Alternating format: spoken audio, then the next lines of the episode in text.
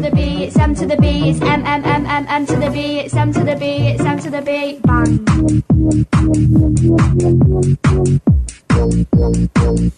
Ja, ja està. Canyet, ja està. Ja està. RAC1 i EAE Business School us ofereixen El raconet de la tecnologia amb Jordi Basté i Josep Maria Ganyet. Ja? Ja està. 10 segons. 10 segons. Una noia d'origen finlandès no canta, no balla, fa veure que segueix la cançó, que no és seva, eh, la cançó, ni, ella mou els llavis i fa unes cares agradables i simpàtiques. Però això, això que t'acabo d'explicar, això que hem sentit de 10 segons, ho han vist 535 milions de vegades al TikTok. 535 milions de vegades, té més de 44 milions de likes i gairebé un milió i mig de comentaris. I em diràs, quina gràcia té? No ho sé. Només sé que aquesta noia es diu Bella Pouch, viu a Hawaii i té el mèrit d'haver-se convertit en el vídeo més vist a TikTok l'any 2020. Va entrar aquesta xarxa quatre mesos abans de penjar el vídeo i en molt poc temps ja té 48 milions de seguidors. És a dir, un vídeo de 10 segons que només fa carotes, mou els llavis i no fa res més. Bueno, i clar, jo he vist en perspectiva de, de que pensava que el que veia jo era d'una gran qualitat, definitivament veig que el món de l'entreteniment l'hem tornat boig, que les noves generacions pràcticament ja no veuen la tele com la veiem nosaltres i devoren com a crispetes continguts a la xarxa, quan volen, on volen, ho fan amb canals de gent molt estranya, que només té una càmera al davant, que són youtubers, que són instagramers, que són tiktokers, diríem que són les noves celebrities, i és que hi ha gent que és molt coneguda, però molt vol dir molt coneguda, que té milions de seguidors pendents a totes hores de qualsevol cosa que pengen a les xarxes, bueno, i tenen audiències en general globals que les televisions ja els agradaria tenir, vaja, amb un percentatge molt més baix del que el tenen. I la pregunta és qui són aquests ídols que tothom segueix? Quins són els més top i per què tenen tants seguidors? I, sobretot, per què són famosos? Ganyet. Aquesta és la gran pregunta, jo crec, que ens hem de fer. Per, què, per què són famosos? Abans, què era un famós? Qui decidia qui era famós? Bueno, algú que tenia un talent especial, que havia fet alguna cosa, un, Sí, sí. un metge, un futbolista, un torero, Sí, sí, sí, eh? una, tant, una folclòrica. Sí, sí, sí. Eh? Llavors hi havia algú a la tele, a la ràdio, als diaris, que deia, ostres, aquesta persona... Si Dona va- audiència. Dona audiència. I, per O tant, calés, Ens, sí, farà, sí. ens farà guanyar calés. Correcte. Bueno, ara, aquestes persones eh, que diuen, decideixen qui eh, no qui sortirà al programa de ràdio a l'hora més escoltada, o qui sortirà a la tele, o qui serà portada, sinó que qui sortirà a la pàgina d'Instagram mm. o qui serà promocionat als vídeos recomanats a TikTok o a YouTube, ja no és una persona, sinó que és un algoritme, una sèrie d'instruccions que mire una sèrie de paràmetres que se'ns escapen, mm. això que dèiem. Sí, sí. Per què aquesta noia? Doncs, home, perquè hi ha uns algoritmes que veuen uns patrons de comportament que diu, ui, això Mira, em pot donar molta Te audiència. t'explicaré. Hi ha instagramers, clar, jo he estat mirant aquí, per exemple, la Paula Echeverria, que ignoro si és la Paula Echeverria, aquella que era una celebrity perquè era la parella del Bustamante, que recordar que té 3 milions i mig de seguidors a Instagram. Són instagramers que parlen de l'estil de vida. Sí. Val? Després ja la tenim la Dulceida. La Dulceida, que és una catalana de Badalona, que és l'Aida Domènech, que, eh, en fi, que penja, penja de tot, la seva vida. Estil de vida, 2,8 sí, sí, ah, sí. estil de vida, 2,8 milions. Després tindríem la Paula Gonu, que és una altra catalana que té més de 2 milions de seguidors. I la Maria Pombo, que té pràcticament 1,8 eh, milions. Aquestes tenen marca pròpia. Sí, sí. O sigui que aquestes tenen roba, tenen de tot. sí, sí, sí, sí. Anem a partides de videojocs, el que et diuen els streamers. Um, youtubers que, per curiosament, ara estan tots migrant cap a Twitch perquè es veu que paguen més. Clar que les calés. El Rubius té 8,1 milions a Twitch. Auronplay, 7,1 milions a Twitch i el tercer lloc seria pel famós de Gref, aquest murcià, amb 6 milions i mig. I a més lluny tindríem l'Ibai, que té 4 milions punt 9. Anem als tiktokers. Clar, jo encara, els, els streamers encara els conec i fins i tot aquestes noies que fan d'instagramers i l'estil de vida també. Però tiktokers aquí em perdo. Hi ha algú que es diu Naim Darrechi, que té 18 milions de seguidors, Twin Melody, que com el seu sobrenom indica, o el seu nom indica, són dues bessones, en aquest cas del País Basc, i Martínez Twins, que és el mateix, en aquest cas són catalans, que té 8 milions. Clar, tants milions de seguidors, això deu. Tu imagina't un programa de televisió que té, doncs això, 8 milions d'espectadors. Perquè ens fem una idea. sí, sí. Per fer una idea, és, tu, tu cara més suena a tot Espanya pot tenir 3 milions, o 3 milions i mig. Estem parlant de que una persona sola té més de 8 milions d'espectadors. Clar, això tot vol dir que tenen molta influència, no?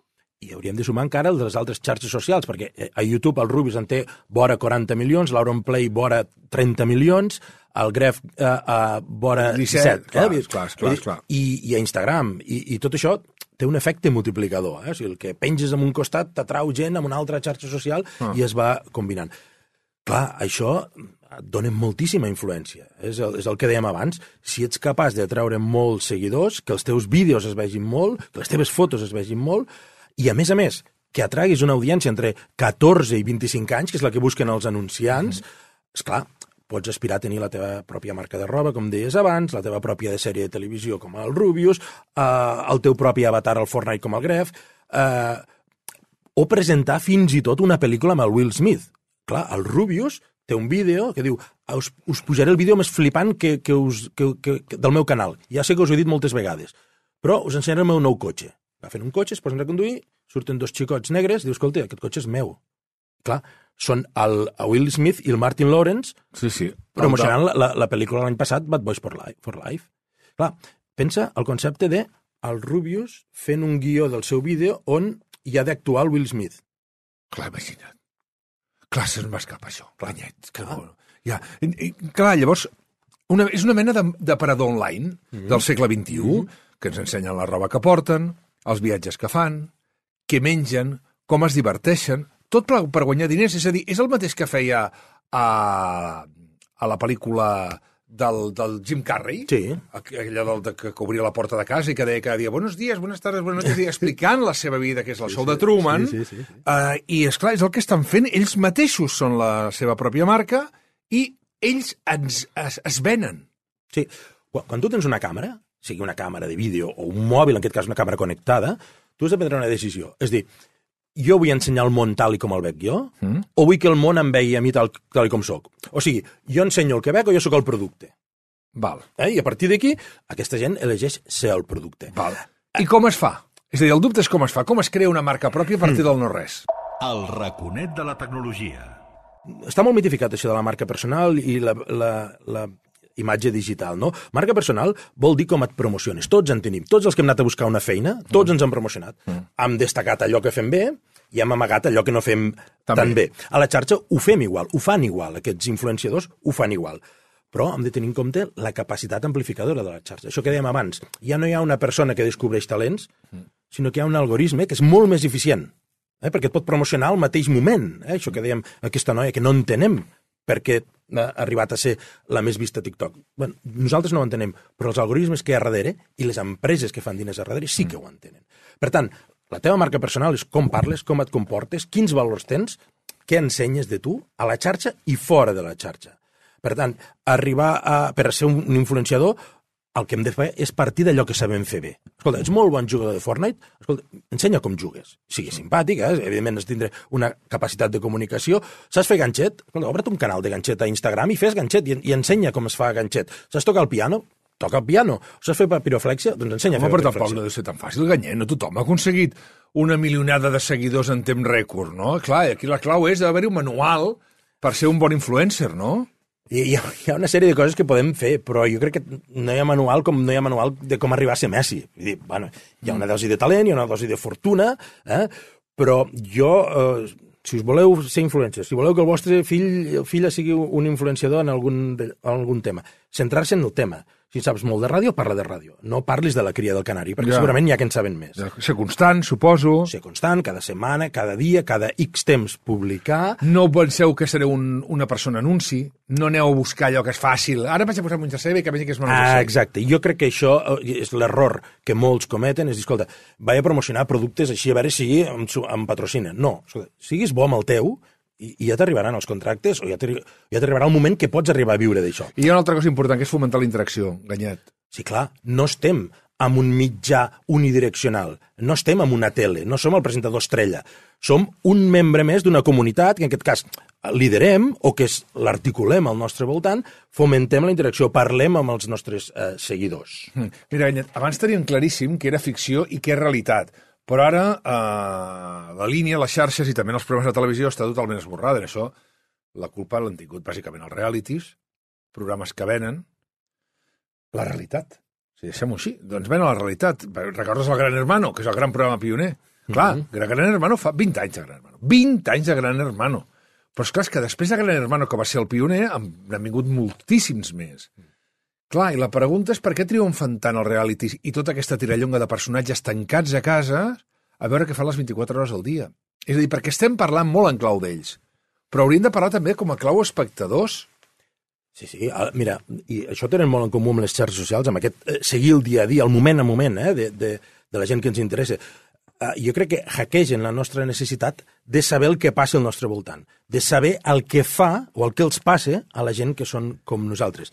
Hi ha un estudi molt interessant de l'antropòleg i psicòleg evolutiu Robin Dunbar sí. que diu que la majoria de converses, i mirat fixant amb això, les comencem parlant del que sigui, eh, de ràdio, de la pandèmia, de, de física quàntica, i acaben aquestes converses parlant de com esteu a casa, dels amics, dels parents... Tafaneries. De tafaneries. Eh?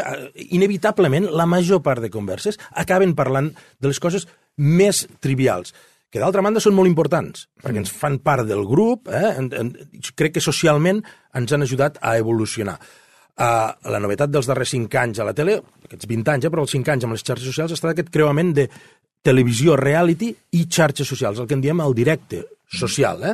la utilització de la segona pantalla que a vegades la segona pantalla és la de la tele. Fixa't que hi ha un exemple molt interessant d'unes sèries que ja es pensen tenint en compte que la gent que les veurà estarem més pendents o tan pendents com de la tele de la pantalla del Què mòbil. dius ara? Sí, sí.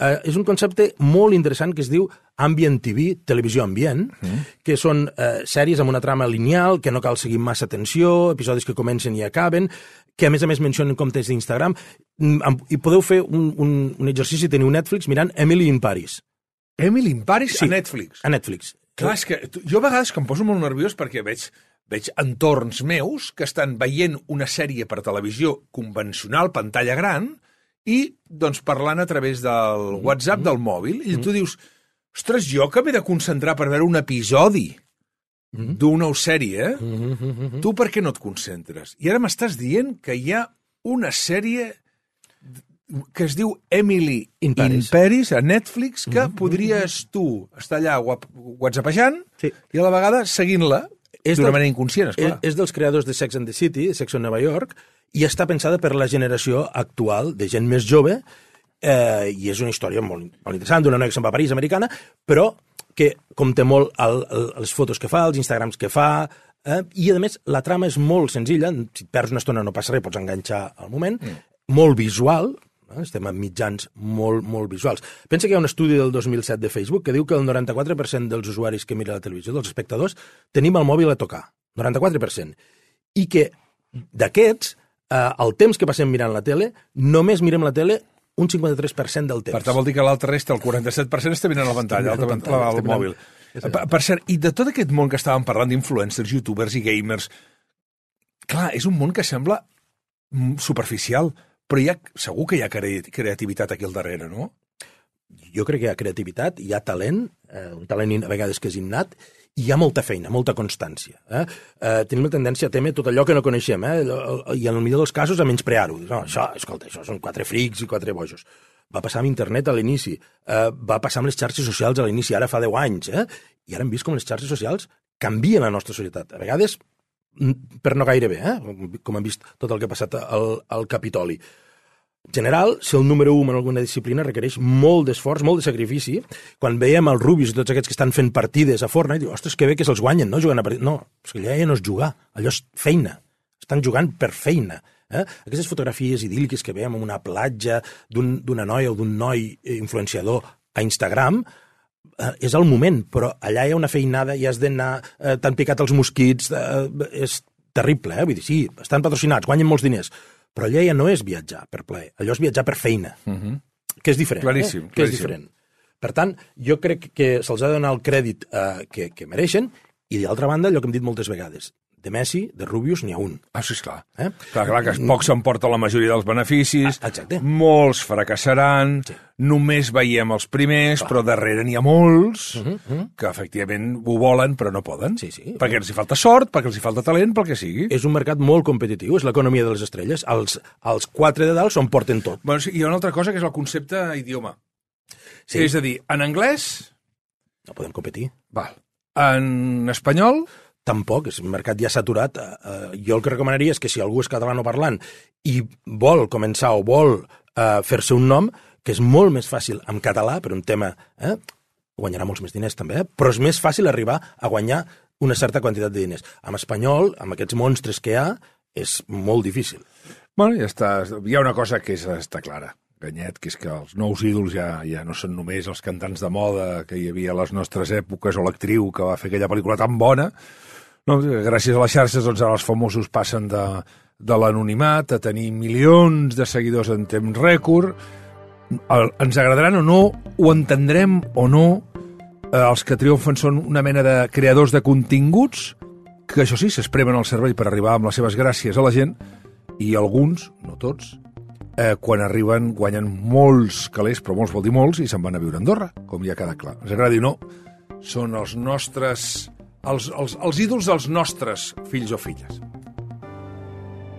RAC1 i EAE Business School us han ofert el raconet de la tecnologia amb Jordi Basté i Josep Maria Ganyet.